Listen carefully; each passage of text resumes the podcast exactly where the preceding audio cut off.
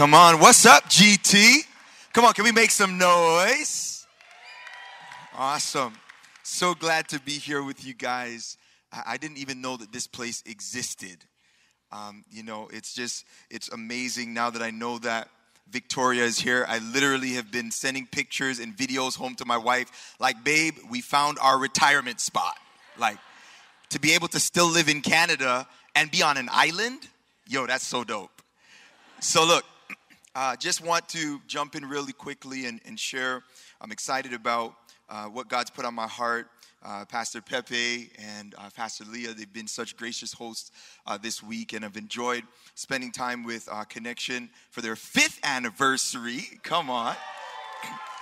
And um, it was just a joy when I heard that I got the opportunity to come and hang with GT and our friends, uh, Pastor Andy, Pastor Lisa, such incredible leaders. How many of you know that you have some incredible leaders? Come on, can we just celebrate them really quickly?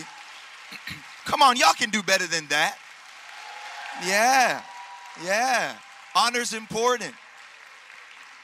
So, look, I mean, just, and I don't know if Pastor Andy remembers this, but my wife and I, we value uh, about three years ago when we were getting ready to get started, uh, he had a lean in with us. And the thing we love about ARC, it's not the principles as much as we love them, it's not the strategy, and the, all that stuff is wonderful. But the thing we love the most are the lean ins when people are willing to go out of themselves to pour in and spend time to impart, especially into younger people, uh, although you guys are young as well. Uh, but spend time to pour into some of us who are a little bit younger. And um, he poured into my wife and I and encouraged my wife in a massive way. And she's today she was preaching actually back east, and uh, it's it. She did so with confidence because, especially because of what you poured into us that day. So thank you Thank you so much. Thank you for your example. All right. Well, who's ready for the word tonight? Come on. You receive at the level of your expectation. I'm going to jump right in uh, for the sake of time. Uh, and I want to just share with you, if you could turn with me to the book of Luke. What book did I say? We're going to Luke. We're going to the fifth chapter.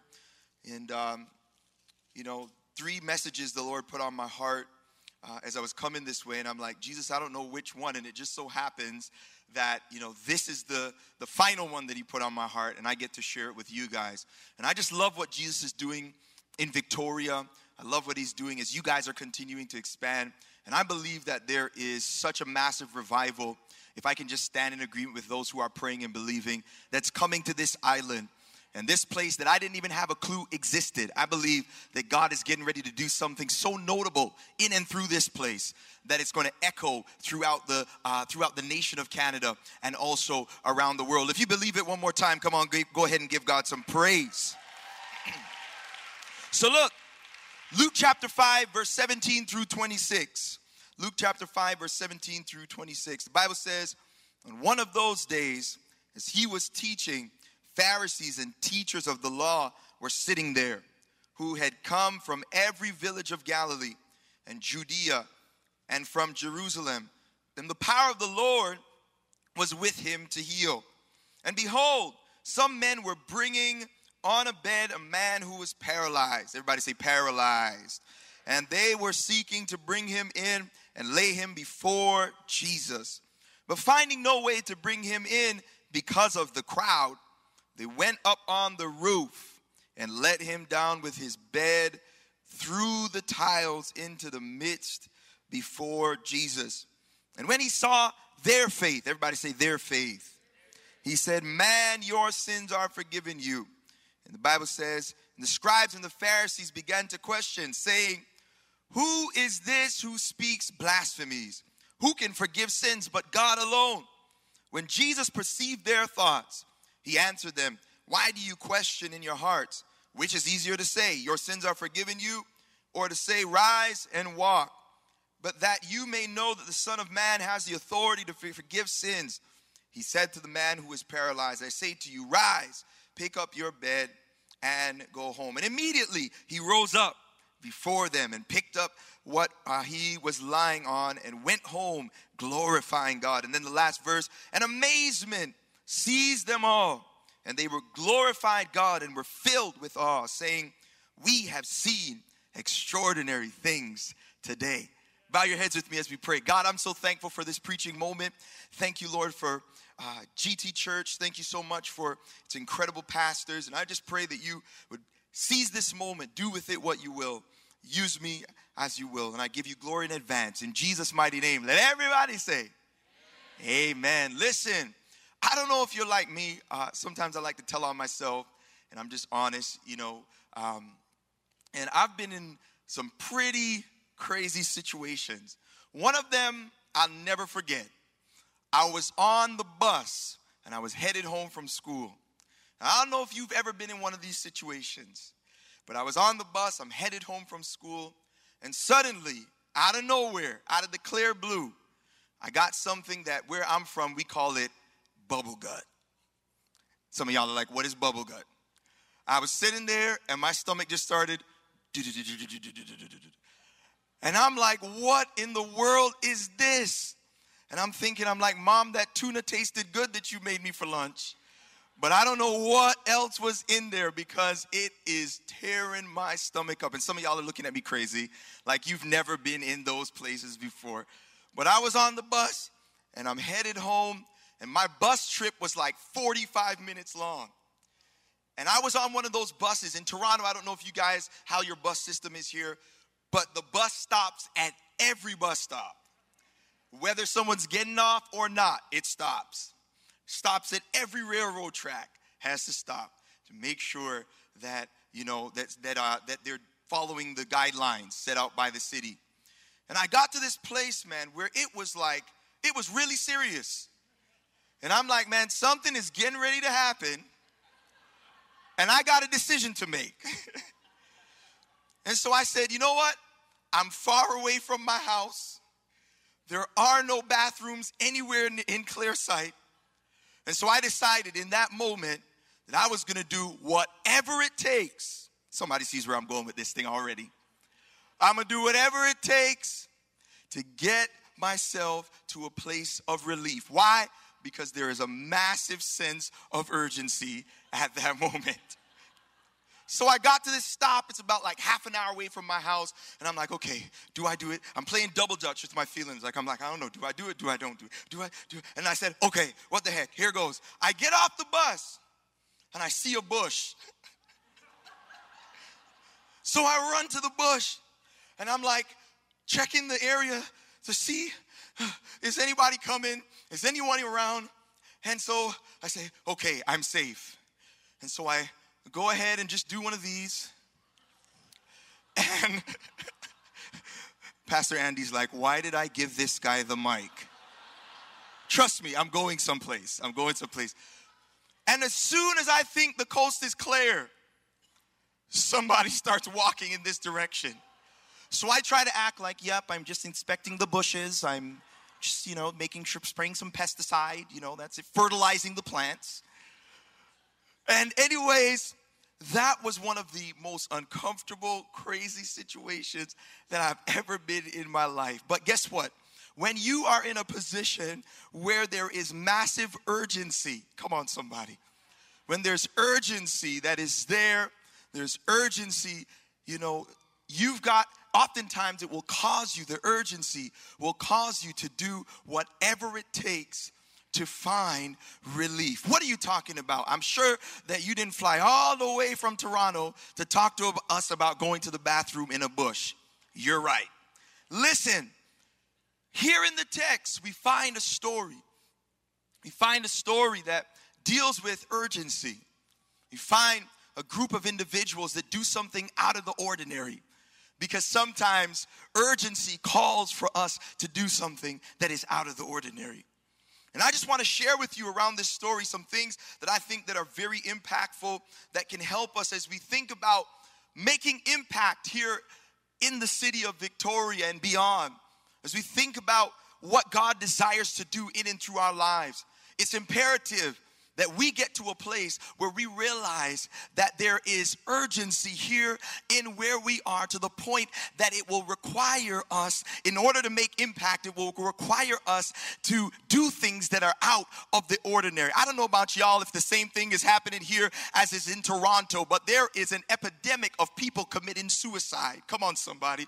There are people who are taking their lives left, right, and center. There are people who are facing some of the most heinous and catastrophic issues that mankind has ever seen in Toronto. And if, it, if it's the same out here like it is out there, you and I both know that there is a sense of urgency. There is a need for the gospel of Jesus to penetrate our cities. Does anybody have family members that needs Jesus? Come on. Co-workers that need the Lord. There are there is a sense of urgency that is in our midst and it's going to require the body of Christ to raise up and to go outside of ourselves. And even if we look crazy, we're going to do what's necessary to bring the gospel to those in our midst. Are you with me? So, look, here in the text, here in the text, we find that Jesus starts, and I love this how the, the Bible will include these details. We find that the backdrop for this miraculous encounter is it's it's it's it's covered with Jesus's haters. Everybody say haters. Jesus was in a position where the Pharisees and the teachers of the law were sitting there. They're just sitting there looking at him. Can I tell you, and this is just a side note, that oftentimes Jesus will do his best work in the presence of his enemies. I hear, I hear the psalmist declare in Psalm 23, verse 5, he says that thou preparest a table for, before me in the presence of my enemies. And some of y'all are wondering why God has allowed some people to still be in your life right now. And there's some people that you know don't like you. Maybe I'm the only one that has people like that in my life. And they're wondering, God, why don't you just remove these people? And sometimes it's because God wants them to have a front row seat to the miraculous power that He's getting ready to demonstrate in your life. And so instead of complaining about your haters, you ought to just pay attention to what God is doing and let Him show them who truly has the power. There's some people that think that they can hinder you from walking into what God has called you to. Come on, somebody. But I wonder if it's about three or four people that showed up here to GT tonight that know that no man can stop you from experiencing God's power in your life. Come on, somebody. And Jesus, look, look, look. So Jesus, I believe he does his best work he often does his best work in the presence of enemies. And here, you know, we as we go on, we note here in the text that this is the backdrop for some friends who are concerned, concerned about their friend who is paralyzed. And there, he's in a position of urgency. I'm sure that he they were hearing about all of the things that Jesus was doing. And they're like, you know what? We really want our friend to have an encounter with Jesus. And they show up.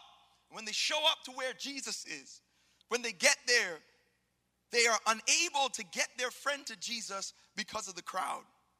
Isn't it crazy that oftentimes the biggest hindrance to people getting to Christ are the people who are surrounding Christ? A lot of times it's not Jesus, it's not that Jesus is unwilling to make impact in the lives of our loved ones. But sometimes the hindrance is the people who are surrounding Jesus that are blocking that are blocking people from encountering him. And and and but these friends these friends they were to the place where they were like you know what? We're not going to allow people to hinder us. There's such urgency that we're going to do something, as my dad would say, abzaki, something out of the ordinary, willing to, to climb up the side of a house and bust some a hole in the roof. Come on. And lower their friend down through the roof because they were more concerned about their friend's deliverance than their appearance. Can I give you point number one? Here it is. If I can give it to you, say, give it to me. Here it is. Val, if you are going to be to a place where we are experiencing God's power and we're doing whatever it takes, this requires us to value God's presence over our appearance.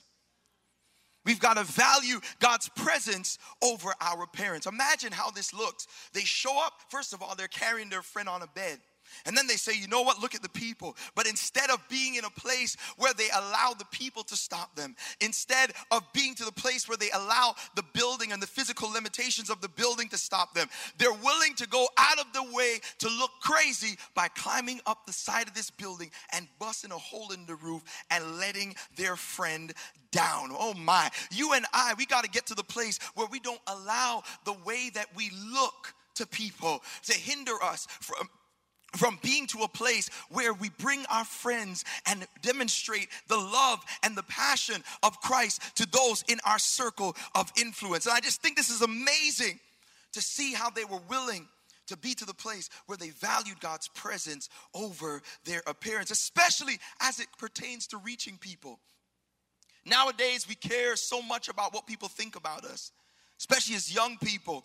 And this is why oftentimes there's a hindrance. There's a hindrance from us going out of our way to love on those in our circle of influence. And you know, the fact is that I believe and I, I know when I was growing up, we used to stand on scriptures like First Thessalonians chapter 5, verse 22, that talks about avoid the appearance of evil. And so we'll say certain things like, you know, I can't hang out with that person because we got to avoid the appearance of evil.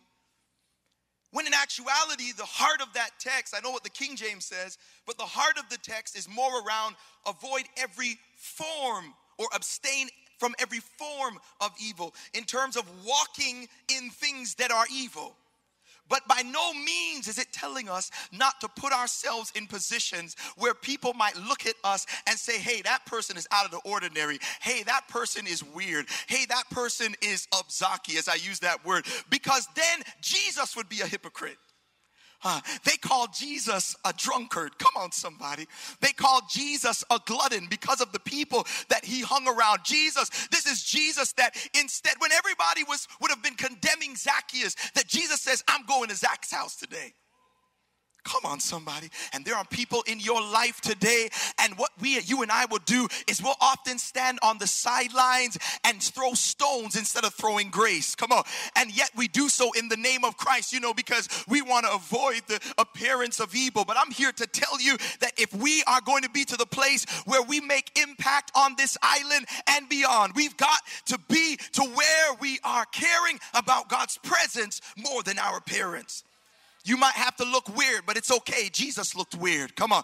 If at the end of it all, if at the end of it all, lives are impacted and our friends and our family members are changed by the power of the gospel, it's all worth it. And so, when I think about this, it just reminds me of the fact that as we think about what they did, number two, not only do we got to value God's presence over our appearance, but We've got to value the Messiah over the method. Got to value the Messiah over the method.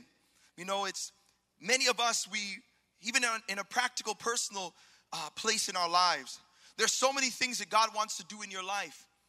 But oftentimes it's hindered, we're hindered from experiencing these things because of the method. And I think throughout history, it's very rare that God is going to tell you to do something that your breakthrough is attached to that is going to be comfortable. It's very rare. When I think about Naaman, he tells him to bathe in a dirty river. When I think about the guy in John chapter 9 who was born blind, Jesus literally spits in the ground and makes mud and puts it in his eyes. How many of you would let somebody spit on the ground and put mud in your eyes? And then he tells this blind guy, go bathe in a pool called Siloam, and then you're gonna come back seeing. But his deliverance was attached to something that was dirty. His deliverance was attached to something that made him look weird. And the fact of the matter is that I know that there's someone that showed up today and God has been leading you and God's been speaking to you, and what God's been telling you might sound out of the ordinary or it might even sound messy and seem messy. And some of you are in the middle of messy situations. Come on, right now. And you think that it's impossible for God to be able to move powerfully in and through where you are right now now. But I wonder if I have a witness tonight that knows that God is capable of taking the messiest situations and turning them into miracles for His glory. If you believe it tonight, you ought to put those hands together and give the Lord praise. And the thing that I love the most about this is as we continue to look through the text, because I believe that people in your circle of influence are getting ready to be impacted because of you being willing to go out of the ordinary. Here it is, and to do whatever it takes. And so his friends do what they do. And then I love what verse 20 says. This is the stuff that makes me excited. I feel like taking laps when I read this. Look, when he saw their faith, ah, somebody say their faith. When he saw their faith, he said, Man, your sins are forgiven. It wasn't even the faith of the man that was on the mat. Jesus says, when he said, the Bible says, when he saw their faith, the faith of his friends, God responded with the miraculous. Oh my. Can I give you point number three? Here it is. Point number three use your faith to benefit others. God has given you faith not just for your benefit, not just so you can go before Him with your laundry list of requests, but when last have you used your faith to point somebody out, point somebody to Jesus? When last have you used your faith to believe God for your loved ones? I know that we do well with gossiping about the people in our circle of influence, but when last have you used your faith? Come on, somebody. How many of you know that your faith doesn't just have value in your life, but your faith has the the capability of being able to be used to benefit those in your city, those on your jobs, those in your household. Does anybody believe it tonight?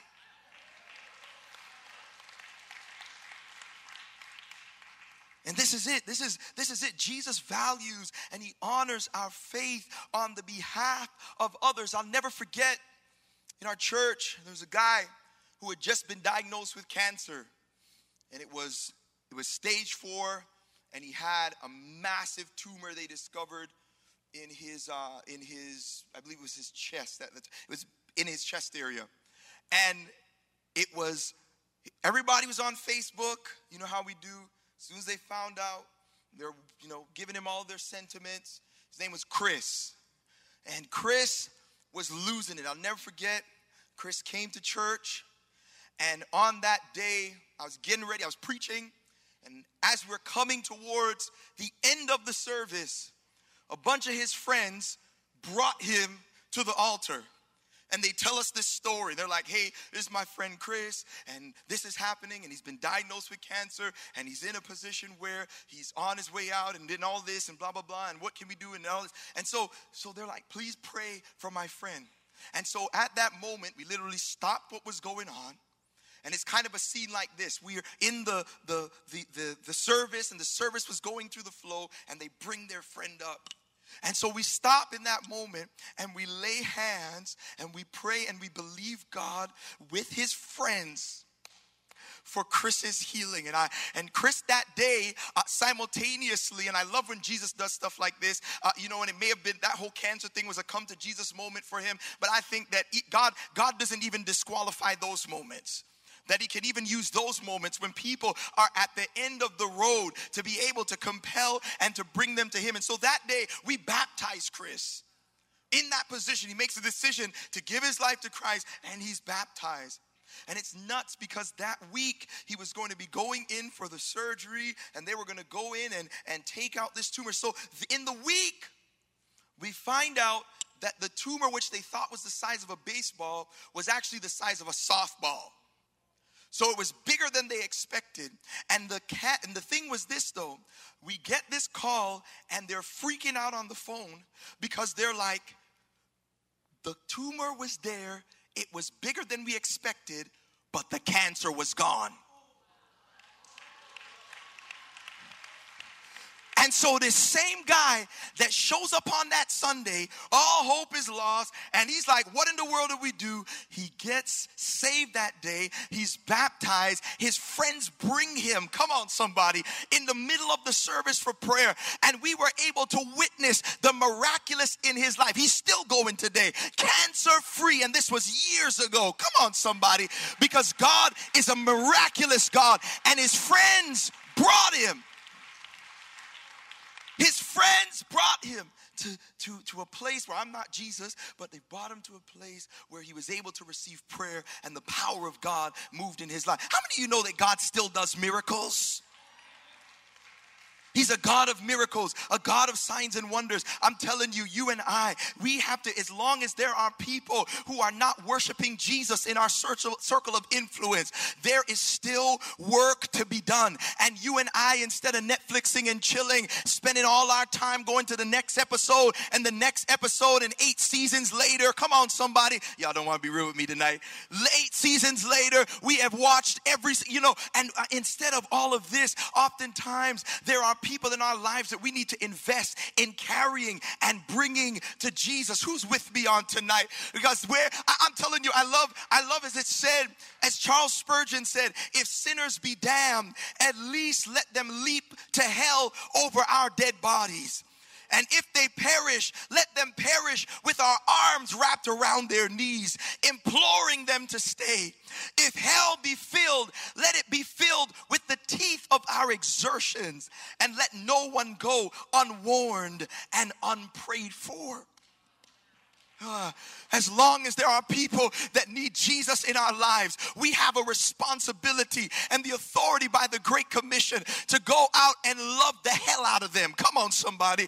And we and I wonder if it's anybody in here tonight that says that I'm gonna do everything, whatever it takes, I'm gonna do it. Come on. If it's buying Starbucks for somebody in front of me, I'm gonna do whatever it takes. If it means that I've got to set up a little prayer box and in my job and, and, and compel and invite people to put their prayer requests there, I'm gonna do whatever it takes. If it means signing up to serve here in church, because when I'm opening the door and saying welcome home to somebody, that they might come through those doors and receive and experience the love of Christ in a way that they've never experienced it and have a transformative experience. Whatever it takes, as long as it's gonna bring somebody or point Jesus, it's worth it. And that's the greatest reward that you can ever experience in the world is to see somebody's life transformed by the gospel of I feel okay. I felt at home just for 10 seconds. I just woo this is this is this is good stuff man. I, I hope you grab this watch. Look because here i'm, I'm, I'm almost done. Oh, they, they get to the place where they experience christ. And look look at this. They had to be innovative they had to be innovative. They didn't allow the hindrances or the limitations of their situation to hinder them from getting their friend to Jesus. The, for getting, they didn't allow it to hinder them from experiencing what God had for them because their faith was strengthened simultaneous to their friend getting deliverance. And so they were innovative. And this is what I'll say about number four. Not only do we need to value God's presence over our parents, not only do we need to value the Messiah over the method, not only do we use, need to use our faith to benefit others, but number four, we've got to value God's leading over our comfort. I mean, they're compelled, like, okay, what do we do? And in this moment, they get the idea to go and climb up the roof and bust a hole in the roof. And even though they're going to have to pay for the repairs more than likely, they still, they're, they're willing to invest. They're willing to, to do whatever it takes. They're willing to sacrifice in that moment. Yeah, I'm gonna have to pay for this guy's roof. Yeah, I know it's not gonna be sexy and there's there's shingles and whatever is gonna fall to the ground and all of that, but I'm willing to follow God's leading, even if it looks weird in this moment. And you know, if we're gonna do whatever it takes, and if we're truly gonna make an impact here on this island and beyond, we've got to be open to the leading of the Holy Spirit. We've got to be open. I love the story in the book of Acts. What book did I say? Acts chapter 6, verse 26 and onward, you know, where Philip, everybody say Philip. Philip is in a place where, you know, he's he's out and the angel tells him that he needs to go and catch himself up to the chariot of an Ethiopian, an African eunuch who is there sitting in a carriage reading the gospel. And he's there in that moment and the Holy Spirit, imagine you on the highway and God's like, I want you to go and pull up to that dude and tell him, pull over. If somebody pulled up to you while you were driving and they're like, pull over, would you pull over? But see, it doesn't make sense until it makes sense. And that's the power about being spirit led. Come on, somebody. Because in the natural, some things don't make sense. But all it takes, all it takes is for God to lead you to do something that syncs up with what He's doing in the life of somebody else. And the, that thing that doesn't make sense, it starts to make sense in that moment. So He shows up, Philip, and you should go read that story later. He shows up to this guy in the chariot, and he just happens to be reading the gospel at this time. And he's like, who is this person talking about? And Philip is able in that moment to lead him to Jesus. The powerful thing about this, watch this. This was life changing. This was transformative for this Ethiopian eunuch because historically, eunuchs, he's waiting outside of the temple.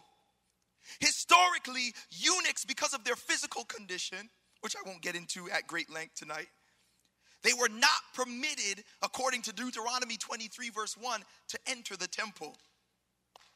So he's there and he shows up. The Bible talks about he shows up and he's going to worship and he's outside of the temple. They weren't allowed to go in the temple. But watch this. In Isaiah 56, verse 3 through 5, it talks about a day that was coming when even eunuchs would be welcomed into the temple when even they would be accepted and they would be valued. And I, I believe I could just see in my imagination that this eunuch shows up and he's outside and maybe he got to the gates and people were there and because of his condition, maybe his voice was a little higher, and maybe there were there were there physical things that made them understand who he was, and maybe he couldn't get in. But God sends Philip. Can I just use my Holy Ghost imagination for a minute? And he tells Philip, "Go catch yourself up to this chariot." And he syncs up at that moment. Come on, somebody. He syncs up at that moment to give this guy an aha he ends up getting saved, and Philip baptizes him right there. Come on, somebody. I don't know whose chariot God is telling you to catch yourself up to. It might be a loved one, it might be a friend, it might be a family member, but I'm here to tell you that it is when we are sensitive to the leading and the direction of the Spirit to do whatever it takes that that's what God uses to create aha moments for people. And I just believe, I believe in this season ahead over the, the, uh, the over GT Church, even as you guys begin to take new territory and you guys begin to stretch out in new areas. I'm believing that you're getting ready to, cap, to, to create aha moments for people wherever you are.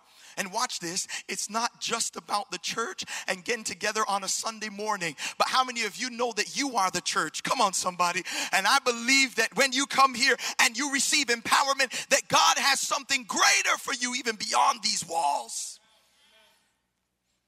So, I think about it. We've got to be to the place where we value God's leading over our comfort. And I have to end with the gospel in that Jesus is the greatest example. He's the epitome of going out of your comfort zone. God is spirit, God is in heaven. God sees that man screwed up. And God sets us this example. Some of us won't even be down to earth and we're on earth. But Jesus literally put on flesh and came down to earth and lived perfectly because he knew that you and I wouldn't. And so instead of leaving us stranded and saying, Hey, I'm a king, I'm straight, I'm up here in heaven, he decides that he is going to leave heaven and come down to earth and do whatever it takes because, as the Bible says in Hebrews chapter 12, for the joy that was set before him, he was willing to, obje- uh, uh, to, to endure the cross, a Roman torture punishment that he didn't deserve but yet he was willing to go and sacrifice himself and position himself to be able to look out of the ordinary because of the joy that was set before him. You know who the joy that was set before him was? I want you to just look at your neighbor, tell him you were the joy. You were the joy. Come on, tell him, tell him you were the joy. It was you. It was you. It was you. It was you that kept Jesus on the cross. It was you that made him willing to go out of the ordinary. It was you that made him and I that made him take the, the whips from the cat of nine tails.